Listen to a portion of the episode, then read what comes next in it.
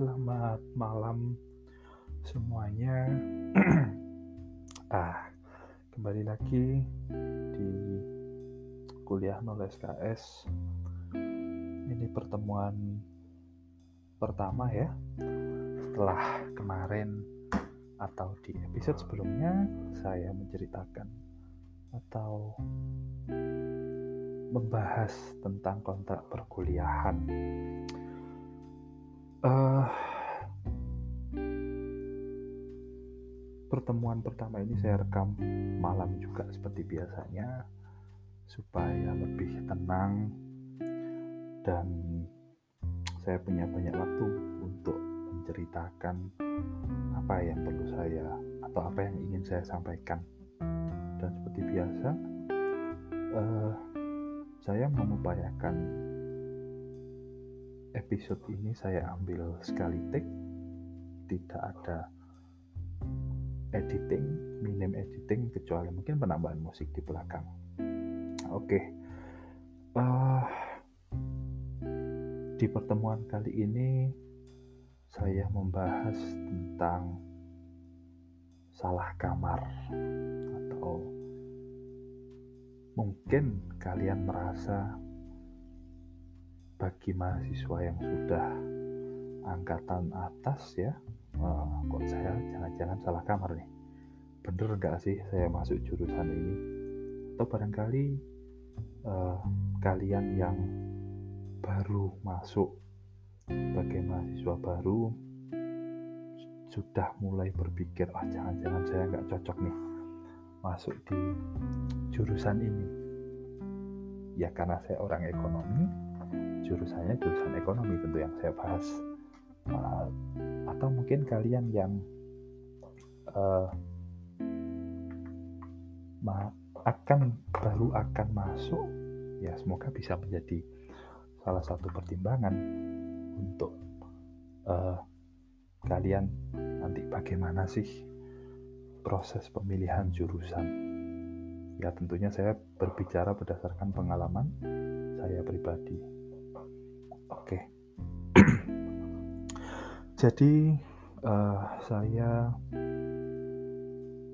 masuk kuliah itu tahun 2011 kuliah S1 dan uh, proses tentunya proses uh, seleksi gitu ya mungkin proses seleksi dimulai tahun 2010 akhir yang pada waktu itu saya ingat sekali masih ada uh, ya sebetulnya dari dulu mungkin sama ya tiga tiga tiga cara agar kita bisa masuk ke kampus. Yang pertama adalah ujian tulis.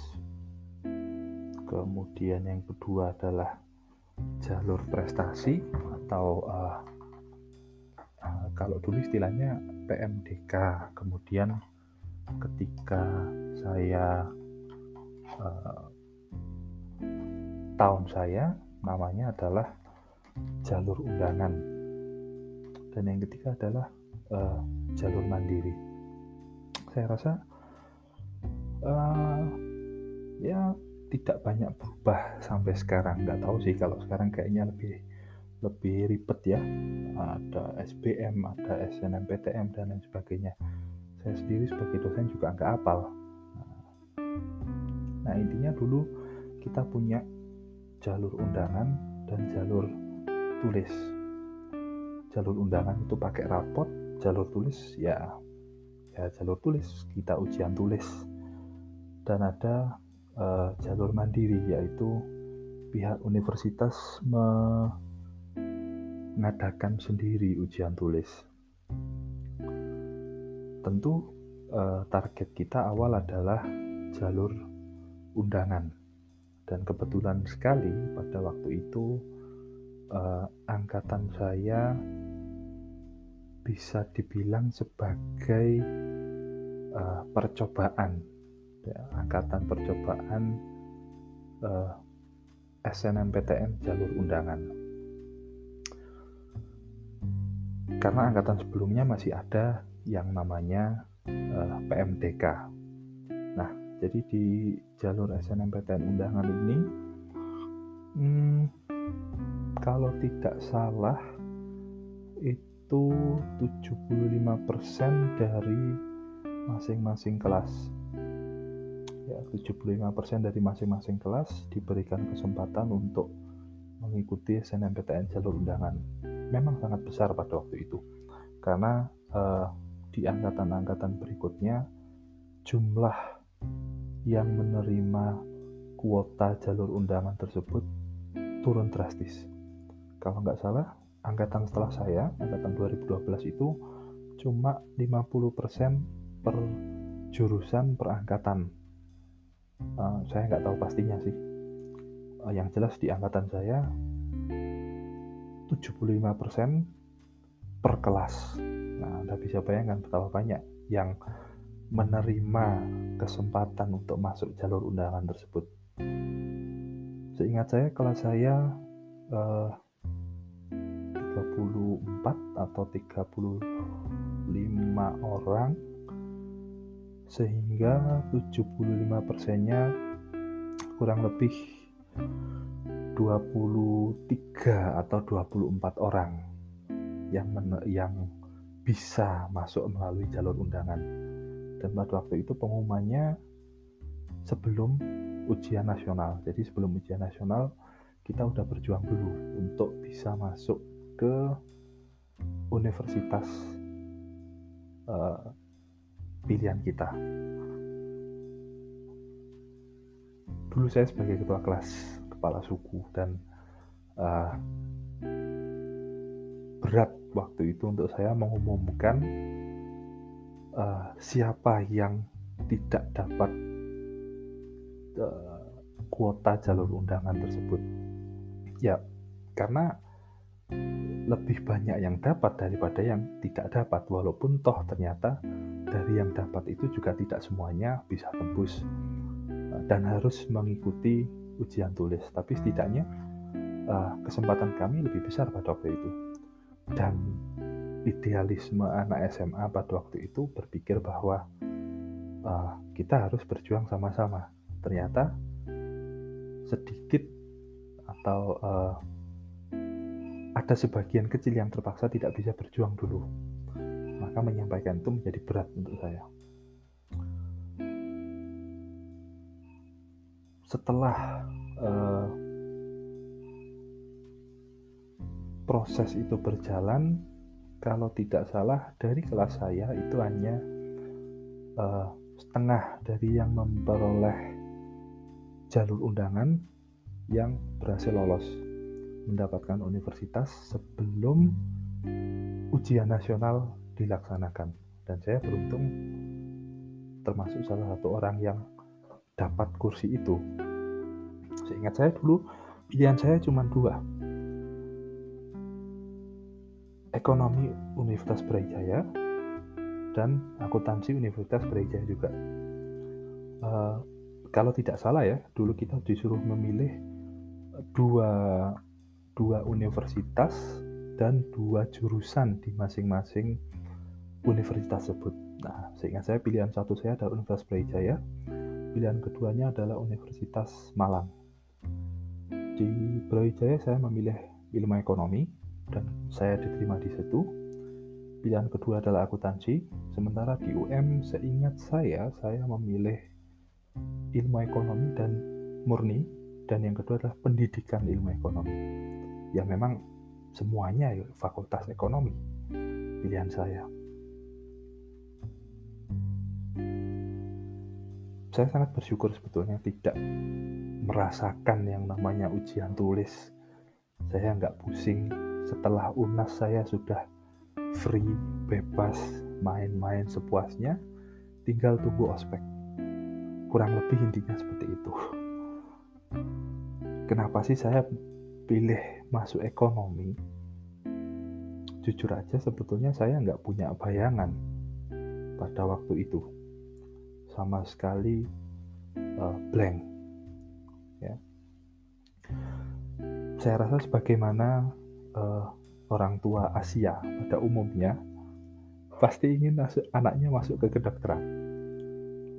demikian pula orang tua saya pada waktu itu uh, tapi saya tidak bisa masuk ke kedokteran karena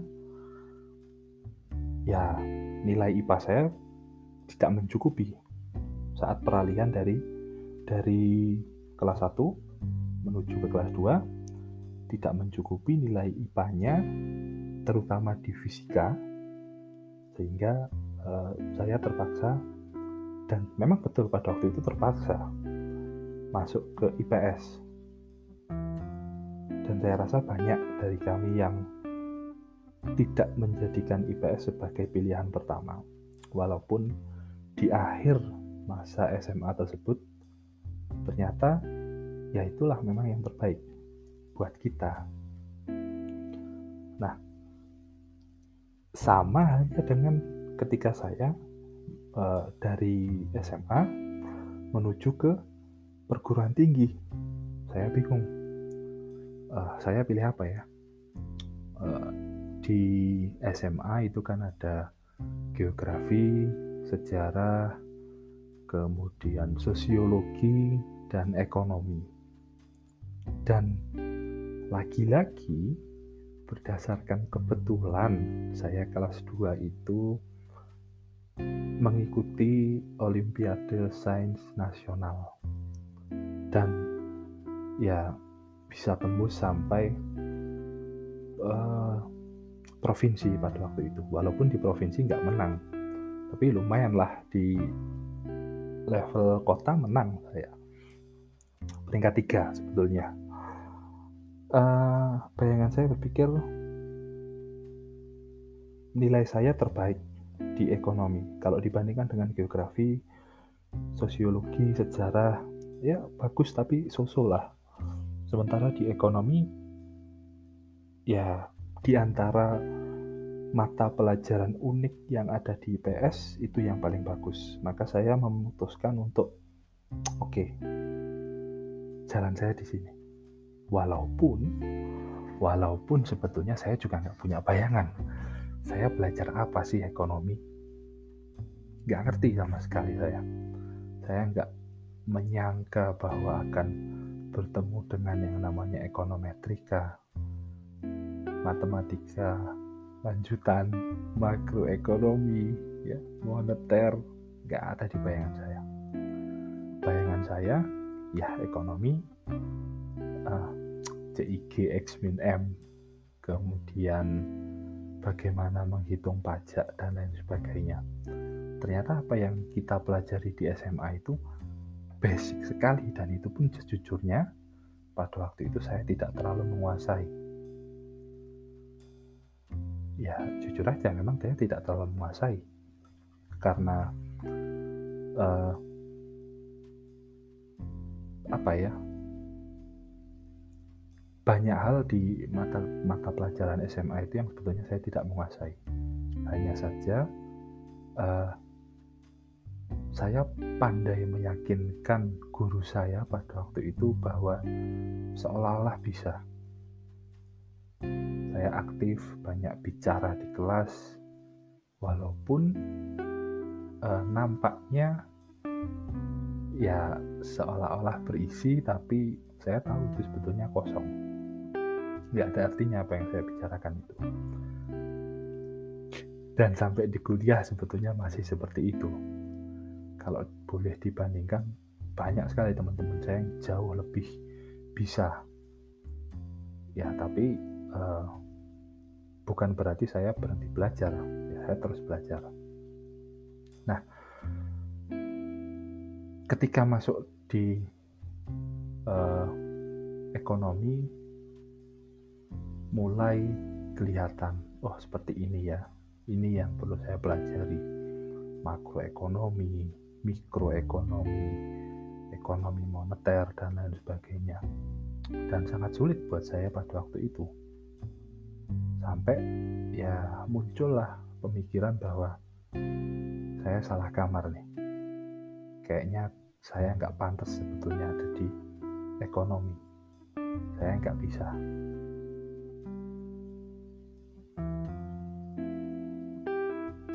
Saya kuliah selama 8 semester uh, cuma tiga semester yang saya mendapat IP di atas 3,5 itu ada ada tiga semester yaitu semester 1 saya ingat sekali IP saya waktu itu 3,7 kemudian semester 7 dan 8 itu masing-masing IP-nya 4 karena mata kuliah yang diambil juga cuma satu yaitu KKN dan skripsi di masing-masing semester tersebut. Sementara eh, 5 semester sisanya dari semester 2 sampai semester 6 IP saya paling tinggi itu 3,3 bahkan semester 3 seingat saya itu hampir 2,9 tapi saya tertolong satu mata kuliah terakhir sehingga IP saya 3,0 sekian. Pas. Nyaris 2,9 ternyata selama ini selama sebelum masuk perkuliahan apa yang saya bayangkan dengan yang ada di bangku SMA itu jauh berbeda. Sangat sulit kuliah menurut saya apalagi di ekonomi ya makanya tadi muncul pemikiran bahwa oh salah saya salah kamar nih saya yakin uh, banyak nggak cuma saya yang berpikir bahwa salah kamar nih kayaknya. Dan bukan hanya di ekonomi saja. Terlebih lagi eh, di semester-semester awal, di tahun-tahun awal banyak teman-teman yang masih mempertimbangkan untuk masuk ke sekolah kedinasan. Stan kemudian apalagi ya biasanya? Statistik ya, sekolah sekolah tinggi statistik itu. Saya ingat di angkatan saya ada setidaknya ya, setidaknya ada tiga orang yang saya tahu pindah dari fakultas dari UB pindah ke D1 STAN dan hal-hal seperti ini uh, mau tidak mau semakin menimbulkan pemikiran kita, pemikiran saya bahwa iya nih salah jurusan. Kayaknya masih mungkin deh untuk pindah.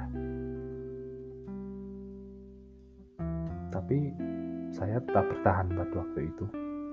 Karena satu, tidak mungkin untuk mengambil lagi ujian tulis dan yang kedua uh, ada pikiran bahwa ya udahlah jalanin aja nanti toh jalannya akan kebuka. Dan ternyata pindah jurusan ini menurut saya wajar sebetulnya. Salah satu teman saya yang baru saya tahu di akhir masa kuliah ternyata uh, beliau ini angkatan di atas saya 2010 dan sebelumnya sudah berkuliah di elektro UGM seingat saya.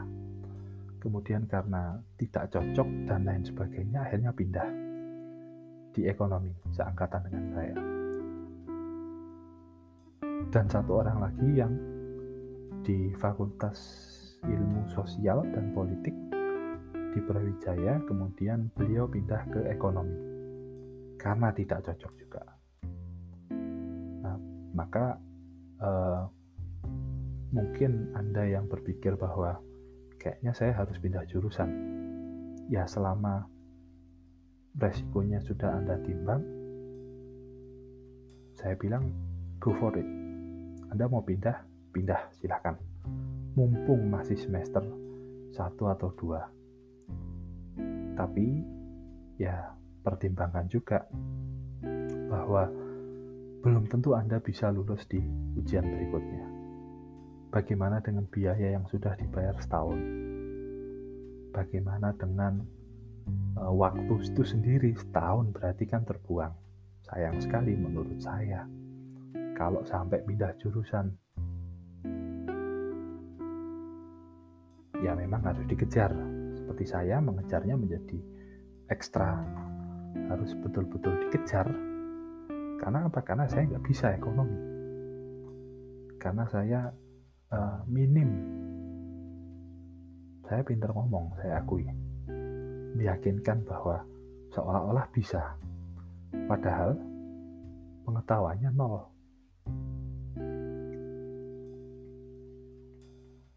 Nah, itu ekspektasinya, itu uh, dan sebetulnya terbawa sampai sekarang pemikiran itu bahwa kayaknya saya salah jurusan deh dari dulu. Even sekarang ketika saya mengajar, saya sebagai dosen uh, ya saya nggak nggak memikirkan bahwa uh, ya sebetulnya kalau jadi dosen itu ada bayangan di di saya ada bayangan bahwa uh, kayaknya saya jadi dosen aja deh tapi saya nggak nggak pernah menyangka bahwa akan terrealisasi apalagi dengan keilmuan yang yang pas-pasan kalau dibandingkan dengan teman-teman saya yang satu angkatan. Banyak yang IPK-nya lebih tinggi, pengetahuannya lebih dalam. Tapi karena mungkin panggilannya tidak di kampus, ya akhirnya uh, pergi. Nah, ekspektasi saya selama atau ketika akan masuk di ekonomi betul-betul diputar balikkan. Kalau boleh jujur, uh, sebelum saya masuk kuliah di ekonomi, saya sempat mempertimbangkan untuk masuk ke pariwisata dan perhotelan pada waktu itu. Karena uh, khususnya di uh, kuliner tata boga karena saya suka makan waktu itu itu suka kuliner dan saya pikir wah asik juga ya jadi chef yang kemudian nggak uh, jadi karena bayangan saya pada waktu itu ya sempit sekali ya. Kalau kalau saya pikir sekarang kok sempit banget sih kamu mikirnya. Saya berpikir bahwa uh, oke okay, jadi chef. Jadi chef kerjaan yang sekiranya bayarannya paling gede di mana? Pesiar. Oke okay, kapal pesiar. Kamu bisa renang? Nggak bisa. Oke okay. kalau gitu nggak usah kamu mikir di kapal pesiar. Padahal ya chef bisa masuk di hotel bisa masuk di uh, bisnis kuliner lain yang itu sangat luas sebetulnya kalau kita kita pikir sekarang ya. Sangat luas. Bahkan mungkin sebagai akademisi juga juga masuk akal di akademisi dari jurusan tata boga manajemen perhotelan misalkan. Tapi saya nggak mikir pada waktu itu uh, sempit sekali jadi mungkin anda yang uh, baru akan kuliah perluas pandangan Anda. Karena nggak apa ya, uh, mungkin Anda akan ambil jurusan ini. Bayangan Anda adalah, oh saya kerja sebagai ini, sebagai ini. Di lapangan itu bisa betul-betul diputar balikkan. Sebagai contoh, berapa banyak sarjana pertanian yang masuk ke perbankan. Ya memang perbankan tidak melarang. Kalau seingat saya kan perbankan cuma tidak menerima dari jurusan kedokteran dan kesehatan kalau tidak salah. Tapi overall hampir semua jurusan diterima di perbankan karena ada pelatihan juga kan. Maka ya walaupun uh, sulit, saya tahu sulit bagi anak SMA untuk mengetahui uh, saya mau kerja apa. Jangankan saya mau kerja apa, saya mau kuliah apa, itu ya buat saya sih, buat saya itu PR yang berat banget. Saya tidak seberuntung beberapa teman saya yang dari awal kelas 3, oke okay, aku masuk psikologi, aku masuk hukum, aku masuk hubungan internasional. Tidaknya tiga teman saya dari awal uh, eh, SMA kelas 3 sudah menetapkan dengan mantap saya mau jurusan ini. Dan saya sebagai uh, salah satu di antara banyak kita yang kebingungan pilih jurusan apa ya udahlah biarkan semuanya mengalir nah saya termasuk tipe-tipe orang yang seperti itu sampai sekarang sebetulnya. Maka eh, barangkali Anda sudah memutuskan dari awal saya mau masuk jurusan ini karena ini dan ini. Selamat. Anda sudah bisa menemukan Anda mau apa. Karena banyak di antara kita yang tidak bisa. Toh bagi Anda, pun ya, bagi Anda yang merasa ah kok salah jurusan ya kok uh, ternyata gini ya pilihan anda dua sebetulnya satu mundur dan mengikuti apa pun panggilan anda yang anda rasa itu uh, benar yang kedua anda tetap di jalan itu berusaha lebih keras lagi dan pada akhirnya akan menyelesaikan kuliah. Masing-masing tentu ada risikonya. Anda yang memilih mundur misalkan, saya capek lah kuliah, aku nggak paham ekonometrika, udah aku mau ternak lele aja. Apakah itu salah untuk mundur? Ya enggak. Tapi Anda harus memahami risikonya resiko bahwa bisnis Anda tidak akan berjalan mulus. Anda sudah terlanjur memutuskan untuk berhenti kuliah, tapi eh, nggak uh, punya gelar. Ya nggak nggak penting juga gelar untuk untuk sukses sebetulnya, tapi tidak bisa dipungkiri bahwa itu sangat membantu. Atau Anda yang uh, memutuskan untuk pindah jurusan masuk ke universitas lain belum tentu Anda diterima. Belum tentu Anda di sana merasa cocok juga bahwa ini panggilan. Tapi kalau Anda berhasil, ya rewardnya pasti besar.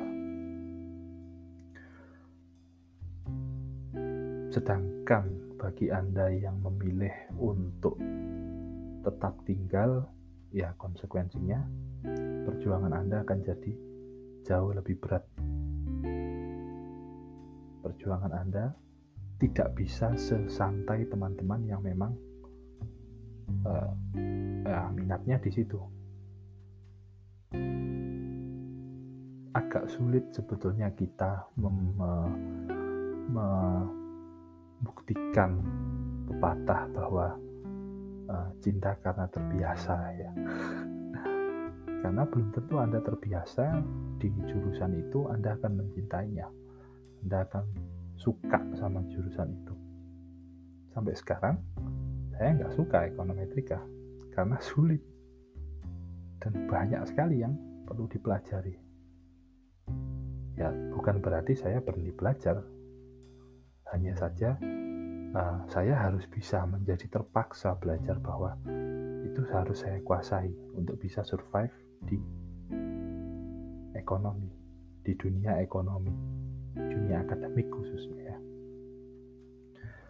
Tapi ya rewardnya kalau anda bisa saya rasa kepuasannya akan jauh lebih tinggi bahwa anda berhasil menaklukkan jurusan tersebut meskipun anda merasa berat anda merasa benci anda merasa salah jurusan